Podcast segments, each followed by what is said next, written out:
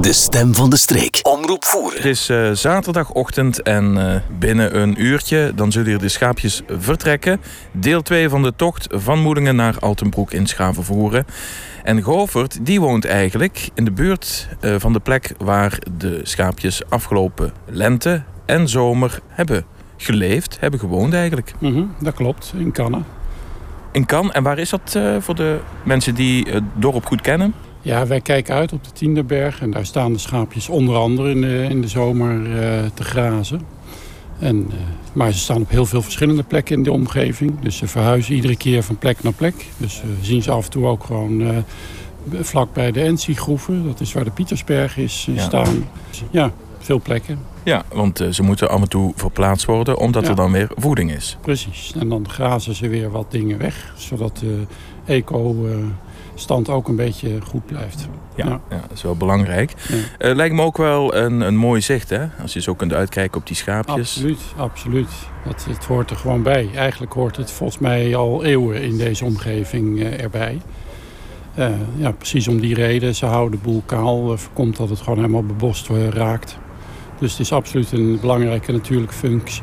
Ja, en buiten de natuurlijke functie is het ook mooi om te zien. Absoluut mooi om te zien. Ja, zeker. Als je daar rondwandelt en je schapen staan er niet, dan, dan mis je wat.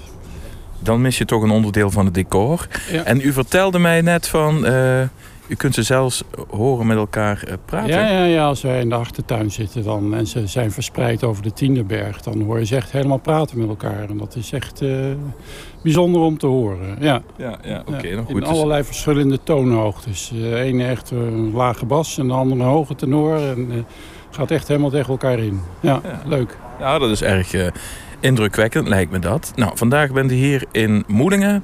Ja. Eh, u heeft dus toch wel iets met die schapen, anders was u Ja, niet hier. absoluut, absoluut. Ik heb absoluut wat met de natuur en eh, met alles wat daarin thuis hoort. Dus ik vond het een leuke uitdaging om die schapen van Kan helemaal naar voeren te vervoeren en mee te lopen. Ja, Ja, dus het leuke is eigenlijk van bij uw huis ja, gaan we nu naar Altenbroek en u helpt ze mee om naar de winterplaats eh, te komen. ja.